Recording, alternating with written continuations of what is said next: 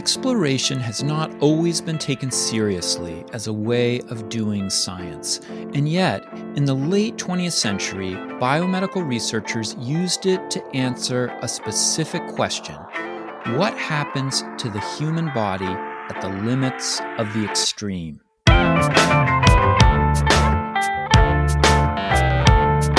It's time to eat the dogs. I'm Michael Robinson. Today, Vanessa Heggie talks about the history of biomedical research in extreme environments. Heggie is a fellow of the Institute for Global Innovation at the University of Birmingham. She's the author of Higher and Colder A History of Extreme Physiology and Exploration. Vanessa Heggie, thank you so much for talking to me. Oh, it's great to be here. Thanks.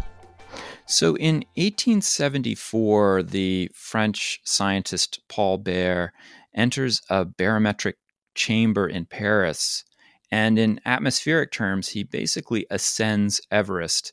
Um, mm-hmm. Um, I was wondering if you could tell us what happens and why that's important.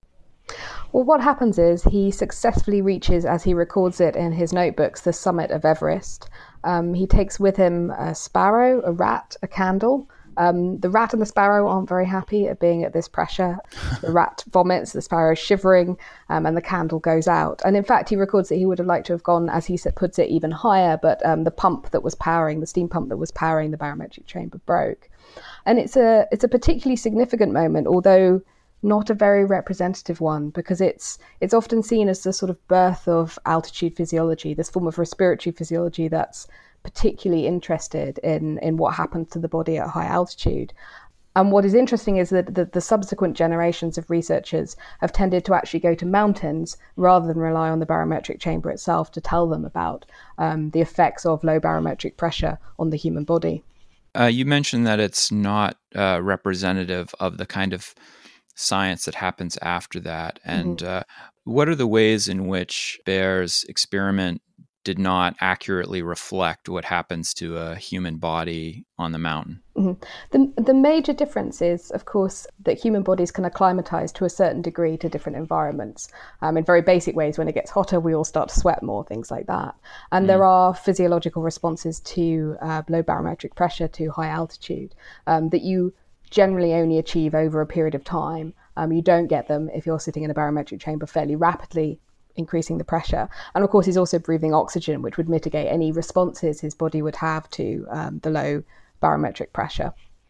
The other thing that's not the same, and this has also caused a problem for people researching this, is that he's not doing anything. He's mm. kind of sitting in a chair in the chamber, yeah. waiting for the pressure to go up. He's not climbing up a mountain. He's not getting fatigued. He's not getting tired. He's not getting particularly cold. He's not experiencing that whole holistic experience of going up a mountain.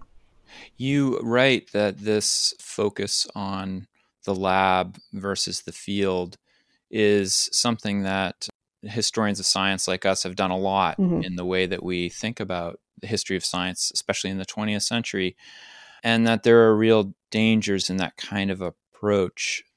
What do you think the dangers are?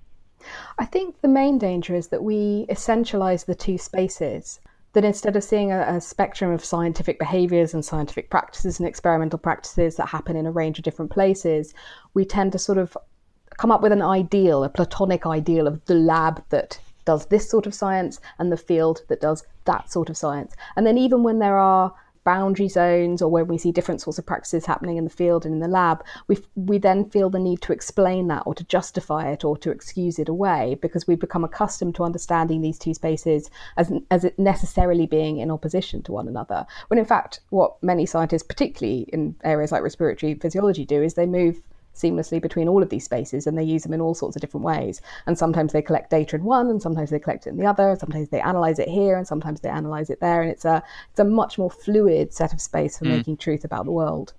You were saying that in this kind of dichotomy, biomedicine has rarely been kind of included in mm-hmm what is actually a kind of renaissance in exploration science like people like you and me are we're interested in this field but that that has not really extended to people talking about biomedicine why do you think that is how that's it's really interesting and i i'm not sure that i have a good explanation yet i think one of the reasons is that there are subtle differences between history of science and history of medicine. History of medicine perhaps has a more social history focus. History of science perhaps orientates more towards uh, science studies and philosophy of science as well.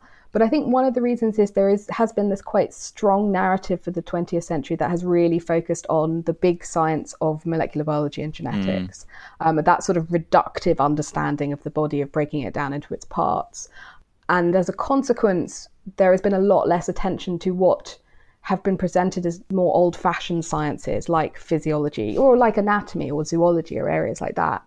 It's only been relatively recently that even topics like ecology or environmental science, the more holistic environmental understandings of the natural world, have begun to be really seriously studied. And I think medicine is just a little bit further behind that in terms of its its historical account, which still very much seems to focus on drugs and pharmaceuticals and genes and things like that. The, the small particles and not the, the holistic pictures. Mm.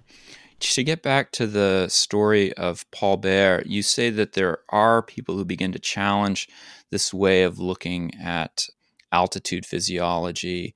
Uh, later on, guys like Angelo Mosso, am I? Mosso, yeah. Who talks about some of the some of the ways that the the science that he finds on the mountain is very different from that of Bert. What what was uh, Mosso able to to find? Well, one of his, his main objections was that um, to the conclusion that Paul Bert had, had come up with, which is this idea that you could alleviate mountain sickness by by breathing supplemental oxygen. And one of the things Mosso points out is that actually by the by the end of the 19th century when he's he's working um, portable oxygen systems were being used in medicine and were being used on mountains themselves. They're being tried out as a treatment for mountain sickness uh, certainly in the alps. And what he points out is that there are many cases in which oxygen doesn't help. You know there are some classic examples of people who have what are some sort of altitude edemas or some sort of um, very dramatic response to altitude and who are given supplemental oxygen by doctors and who consequently die.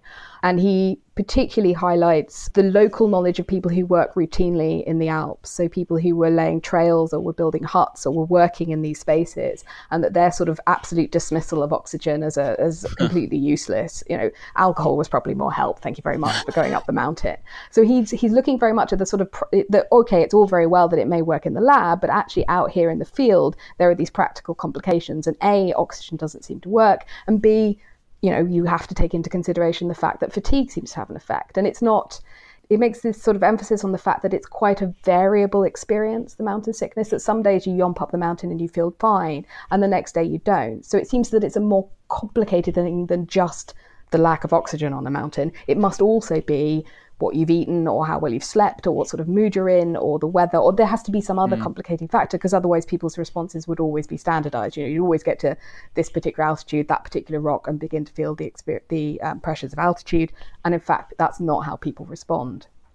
One of the things I really like about your discussion of mountain science and this kind of false dichotomy between the lab and the field is that you you kind of pull it back into these stories that we've all read about of uh, you know British mountaineers trying to ascend Everest, mm-hmm. and the oftentimes the way that the um, discussion of oxygen takes place in that ascent is that British mountaineers thought it was cheating to use oxygen on the mountain, and you say uh, you say uh, actually we're we're not seeing it the right way. Could you uh, could you talk about that? Oh, that's great. I mean, this this is actually the story that got me into researching this this whole topic in the first place, um, because I'd previously written a book about the history of sports medicine in Britain, um, and one of the key things I found was this really persistent myth about British amateurism, mm. which was often used to say, oh, you know, British athletes were not interested in science. British doctors didn't help the sport that they were doing. You know, none of this existed in Britain. It was all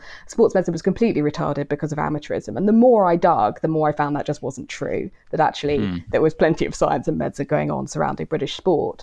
So when I came across this particular story about um, the use of oxygen, it just sort of it triggered something. I recognised that that story, that myth that was being told, and I wanted to check it out for myself and the essence of it is that there there is some discussion about whether or not oxygen is fair and whether it's cheating. And we're talking um, these are the expeditions of the 1920s and the 1930s. Mm-hmm. Um, Did Mallory bring oxygen up in yes, 24? Yes, he did. Yeah, both he okay. and Irvine climbed to their deaths whilst wearing oxygen equipment. Mm. Um, and in fact, Irvine was key to fixing the oxygen equipment on the mountain because it was um, extremely not fit for purpose. It turned out he did some quite important adjustments to it that would uh, that at least made it feasible to carry it and that the oxygen actually flowed rather than freezing up all the valves and things like that. So they, they were absolutely using. I mean, every expedition of the British in the 20s and 30s either experimented with or took oxygen with it. So it was not something that was absent from the mountain. They would have rather climbed it without because there was always the sense that if it was physically possible to climb it without oxygen, eventually somebody would. And so that if you went up with oxygen, you were then still leaving open the final grand goal of doing it without. So that was that was a discussion they were having. But in terms of um, the skepticism about the oxygen, the fact that the mountaineers didn't like it, they didn't want to use it. When you actually get into the detail of the equipment, it was really heavy. Um, bits of it didn't work, like the valves that froze up because they were now being carried in very high mountains and not being used in Cambridge where they've been designed. You know, people like uh, Irvine and Mallory had to adjust them on the mountainside the masks froze over, they were really uncomfortable to wear. Um, and it turned out that the flow rate of oxygen which I believe is somewhere between two and four litres a minute, was nowhere near enough to compensate for the weight of the pack. So, in fact, they probably hmm. weren't actually helping anybody climb because the extra weight they were carrying kind of cancelled out the extra oxygen they were managing to supply. So, there was a there was a serious scientific debate about the use of these oxygen systems, sort of above and beyond any question of it being amateurism.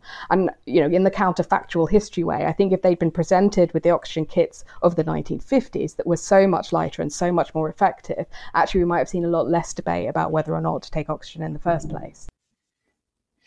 So, you know, so much of um, what I think about when I think about high altitude uh, research is oh, well, people must have been interested in this because this is also the age of flight. And as planes are going higher and higher after the uh, First World War, uh, this becomes an issue that's people are willing to spend money on. But I was really surprised reading your book that, in fact, these physiological experiments around altitude go way mm-hmm. back. Mm-hmm.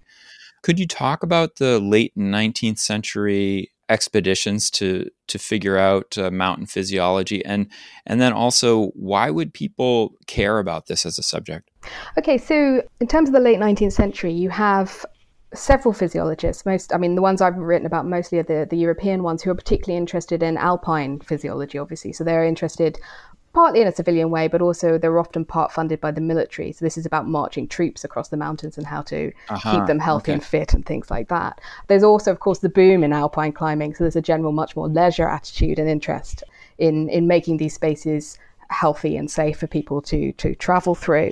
Um, but you also do have uh, perhaps a slightly smaller number of researchers who are managing to make it out to um, South America and to places like that to have a look at Andean physiology.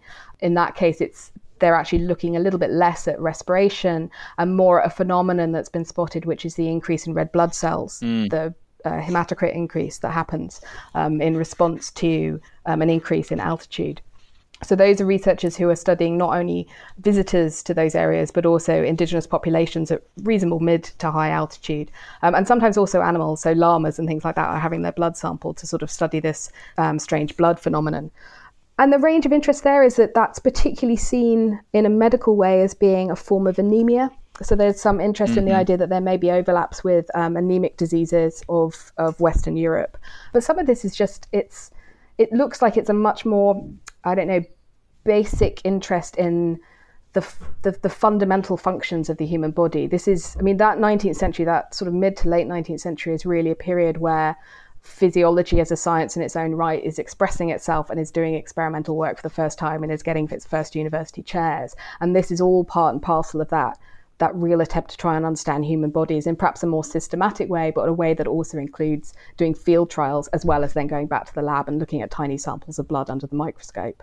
It was it was really interesting when you were talking about uh, the British and American expeditions on Everest, which start to focus on physiology in the mm-hmm. 60s that there actually wasn't a lot of attention paid to Sherpa adaptations on the mountain. Mm-hmm. It would it would seem to me that within that kind of basic science model that Western scientists would be really interested in Sherpa physiology. Yeah, it would, and that uh, it came as a surprise to me too. Um, and of course, it has it does have a knock-on consequence for uh, the study of respiratory physiology, and again, particularly for this question about um, the response of the blood to um, an increase in altitude. Quite why it is that Sherpa didn't get involved in the research is not entirely clear to me, but I, there are passing references by some of the European physiologists to the fact that they see the Sherpa as less civilized, I'm afraid, than the South American people that had been worked with, that they, they would be more resistant to medical interventions, that they would be a lot less likely to volunteer for clinical trials and things like that. And that's certainly true, I'd say, right the way through to the end of the 60s, people applying for funding and so on to try and do ECGs or things like that out um, in the Himalayan regions often get this feedback that it's going to be difficult for them to recruit local peoples because they won't, they're not as willing to take part in the, in the processes of science. It seems that some some of the early European expeditions did very occasionally include um, Sherpa and other porters um, in their studies. Um, it's not always clear who they used because it's mm. very there's very variable terminology for the different e- ethnic groups, and it's quite difficult sometimes to know if, if they're talking about Sherpa porters or if they're talking about um, other other ethnic groups in the area that are being studied. So certainly the the Germans and particularly the um, some of the Nazi funded researchers were doing some work, but again, it's not immediately obvious who they were involving in those projects. And it was it was nowhere near as much as the work that was being done by North American and European researchers in association with South American researchers um, at, at mid altitude and high altitude mm. in South America. One of the uh, physiologists you profile is the scientist uh, Mabel Fitzgerald, mm-hmm. who's trained at Oxford and uh, also trained in bacteriology and who's not really widely known. Why do you think uh, Fitzgerald is important? Well, she's she's a very early example of a woman working in this field, and it's it's one of those sort of classic stories of her marginalization in that she she's out in America on this Rockefeller grant. She hears mm-hmm. that they're coming out to Pikes Peak to do some physiological research, writes and says, you know, you know me from Oxford, I'd like to be involved in your project. And the men of the team are just very unhappy about this and there are some sort of I mean, they use morality as a bit of a cover. You know, is it appropriate for yeah. a young woman to be going up with them? Perhaps not. And instead, she goes off on this completely independent project, mostly at, at mid altitude and slightly lower altitudes, to survey lung oxygen of um, and carbon dioxide of uh, miners and other communities. Um, and it's slightly ironic because she's doing that by herself. So she's now a solo woman going around this mountainous area, visiting quite ho- heavily male dominated communities in some cases and trying to persuade them to take uh, to give her uh, samples of their alveolar air and elsewhere. Um, but it turns out that the work that she does is quite seminal, and it's the first time that these sorts of measurements have been made. And actually, you can sometimes still find her work being cited by papers published today as the original baseline for some of the data you have on what you expect to find in terms of the comparative oxygen and carbon dioxide concentrations in the lungs of people living at these particular altitudes. Mm, I um, just finished up doing some research in Australia a few months ago on uh, women's integration into um, some of the Australian Antarctic bases, per- particularly Macquarie Island. Mm-hmm. And um, God, there's so many different reasons that people give for keeping women off of Macquarie Island. Mm-hmm. I was wondering what you encountered in terms of the explanations that physiologists and scientists give for this kind of exclusion. Well, there's there's a series of ways in which women are excluded, and the most obvious way is that for these sorts of expeditions, these scientific expeditions to genuinely extreme environments, there's always a requirement really that the people you take with that you have have proven themselves in those environments before. So not mm. only do they have to be scientists, they also have to be people who have climbed you know, in the high, high Himalaya or have gone to Antarctica. And that becomes kind of a self reinforcing prophecy that it's very difficult for women to A, be trained in science and B, to have gone to these spaces. And your chances of finding a woman who's done both of them are very slim, certainly in the first half of the century. So there's sort of an automatic disqualification without even making much of an effort to disqualify them. But the other reasons are I mean, generally, a lack of facilities is always used as an excuse. Yeah. You know, there's no ladies' toilets in Antarctica, and therefore it be it would be unpleasant for them to come there's also the line that women are a disruptive influence, that having one or two women, eh, particularly in a large party of men, is going to cause emotional and personal disturbances to the men, and therefore it's better off just not taking them in the first place. And there are certainly some studies, some psychological studies in Antarctica that do suggest that things like letters from home are actually more psychologically disturbing than not having contact with your families. And those are the sorts of things that are used to justify um, not having women present at all. That a, a homogenous group of men is a, is a much more emotionally stable space for doing experiments and expeditions. And then finally, once these things are really being challenged, certainly into the 1970s under sort of um, equality legislation, there's also the line that's been used in a lot of medical science, which is that because women have periods, they're not stable animals to mm. study, and therefore their their responses are not typical. They're not normal. They're cyclical, and therefore Um, they're much more unpredictable and they're much harder to study and as a as a as a laboratory animal, basically. Um, and so that is sometimes used as a justification for not taking them. Huh. The idea is that you don't take them the first time you go. You take nice, normal, solid men, and then maybe if you have spare time later, you'll look at you know the abnormal bodies, which might be the young or the old, or in this case, it might be women. Yeah. So it's that that's their their bodily disturbance, but also emotional disturbance are widely used as excuses. And you, well, to be honest, you can still find that and sometimes um, in the reports now, but it's very common through the 80s and even into the 1990s. I had uh, Emily Gibson on recently on the podcast to talk about airlines and essentially gender and air mm-hmm. g- gender and um, commercial air flight in the 20th century, and she was saying that oftentimes air hostesses were used in advertising in, in the foreground of, let's say, an exotic locale mm-hmm. as a way of demonstrating that these exotic and semi dangerous places were actually safe. Mm. I was thinking to myself, huh, I wonder if that is also, um, you know, spoken or not at work in the ways that men are looking at these extreme environment stations. If, if women, in other words, uh, symbolically are, are symbols of the domestic, then um, do we want them on our extreme environment outposts? I, I don't know if you have thoughts about that. Oh, I think that's that's definitely part of it. I mean, there's those sort of phrases like "it's an easy day for a lady." Mm. The idea that even a woman could do this does, in some senses, diminish it. I think for the early explorers, but I think also, I mean, particularly particularly for the British, I would say, and, and for quite a lot of explorers certainly in the anglophone world up to the middle of the 20th century these are these are men who don't spend time with women in anything other than a domestic situation mm-hmm. They've gone to all male schools. They've quite often spent time working in the military. They've gone to oxford or cambridge which are all male institutions.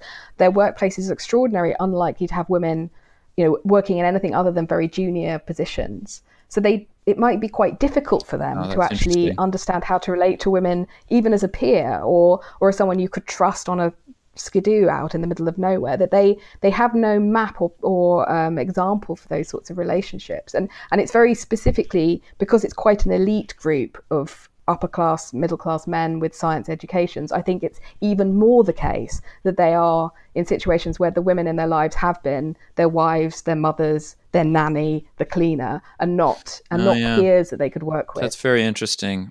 You know, the other thing I, I thought found really interesting in your book was the degree to which the Harvard Fatigue Laboratory comes up. Mm-hmm. Um, can you talk about this laboratory? Uh, not exactly the kind of place you would associate with extreme environment research. Um, how does that work?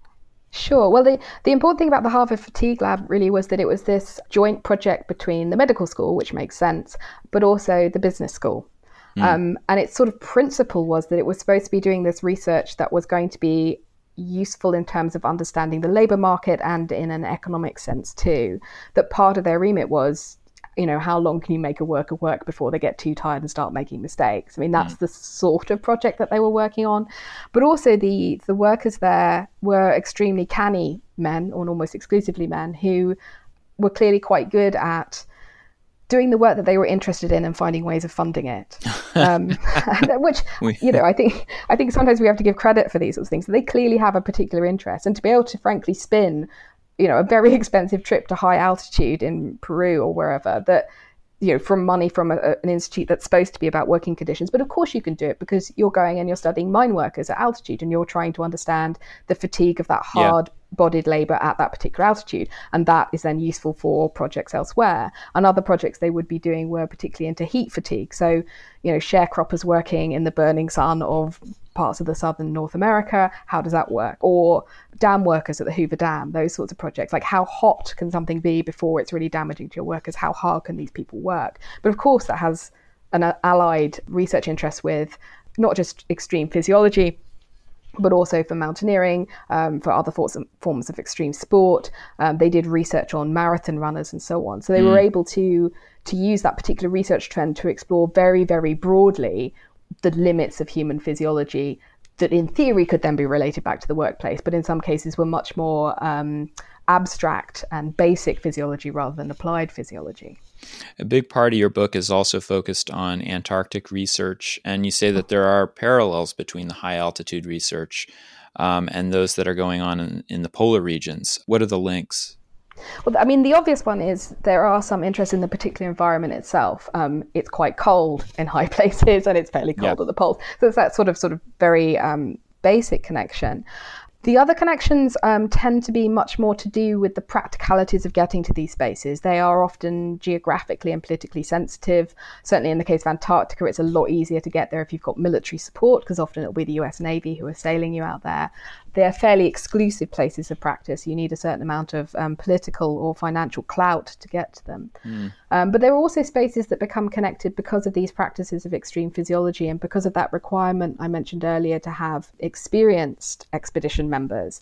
Um, that quite often you would assume that if someone had managed to climb Everest, they were probably a fairly sturdy stock and therefore would be an appropriate person to take with you to the Antarctic. So even those those are two quite different environments. And in fact, just because you can survive in the Antarctic doesn't necessarily mean you're going to be good at altitude and vice versa. Um, when you're working with quite a small pool of people who have extreme environment experience and scientific credentials, sometimes there's a crossover caused by the same people, the same little clique of men going from space to space and linking them in that way. You um, you take up the um, the famous expedition of Robert Falcon Scott, where he's uh, in a race to the South Pole with Roald Amundsen, and he tragically dies uh, with his crew on their return from the South Pole in 1912. So much has been written about this set of events, and people have connected Scott's death to the weather and to character and to hubris or crappy technology or animals. I mean, it's just the list goes on and on. Um, but you have a kind of novel take on it. I was wondering if you could talk about why, what you think we've missed here. So yeah, there are. I mean, basically the the explorations of Scott. It's one of those historical topics that tells us more about our current time, I think, or, mm. or the author or the historian than it does necessarily about actual exploration um, in the early part of the 20th century. So I'm not sure what it says about me. The one of the things I focused on was the food that they took for these particular expeditions it's one of the things that's been has been um, studied by contemporary physiologists that they've recreated. Obviously, these these particular expeditions done the same treks, and one thing that comes up repeatedly in their findings was the um, the inadequacy of the ration packs that Scott and and other explorers mm. about the same time, to be honest, were taking with them, um, particularly when they were man hauling. That seems to be what makes the real difference. Amundsen is is dog sledding, which requires many fewer calories than actually pulling pulling yeah. the sledge yourself. And the, the ration packs they had were huge. You know, there were 4,000 plus calories a day. It was a huge amount, but actually it looks like you can burn seven to 10,000 doing that sort of God. work. So over an extended period of time, you will starve to death even on, on very high diets. And that's assuming that you manage to actually eat everything in your ration pack, which given that this is quite basic and we're talking about sticks of butter, biscuits, pemmican, it could still be quite challenging for you to actually manage to consume all of those calories.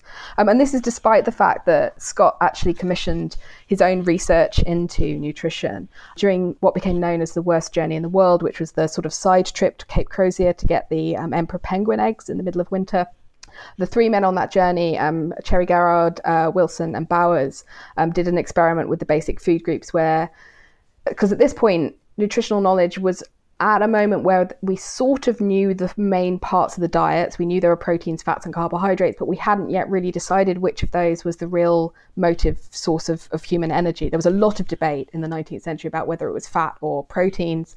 Um, and at the beginning of the 20th, mm. people were beginning to say, actually, maybe it's it's carbohydrates.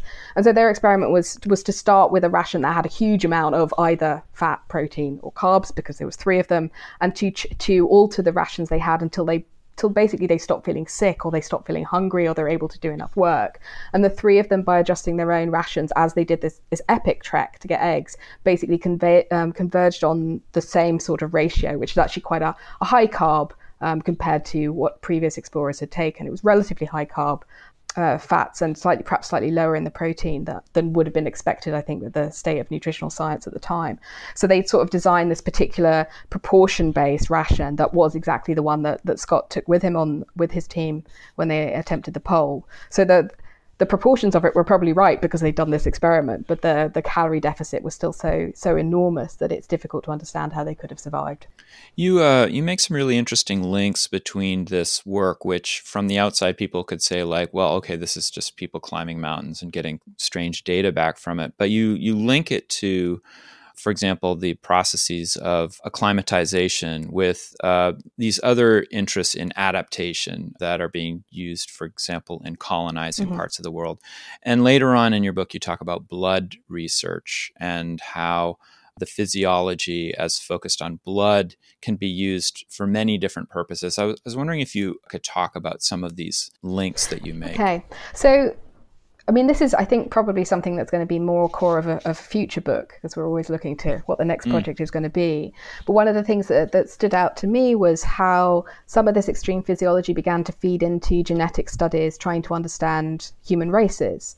So the 20th century is supposed mm. to be this period in which sort of from the 40s onwards, the science of genetics and molecular biology understood races as being not specific fixed categories, but a sort of much more flexible, fluid way in which um, the human species worked. But actually, I've got quite a few of these physiologists and other researchers who are are talking about people whose bodies have been formed by the environment they're in. That that living that your ancestors having come from a tropical environment means that you're you'll have a certain sort of body and you'll be a certain sort of person, and that seems to be a much more fixed mm-hmm. understanding of how races work. But then that raises the question about um, particularly with more global movement and with um, the colonial and post-colonial period, you know, can can white people, can temperate bodies survive in these other environments, and how do we best ensure that they do?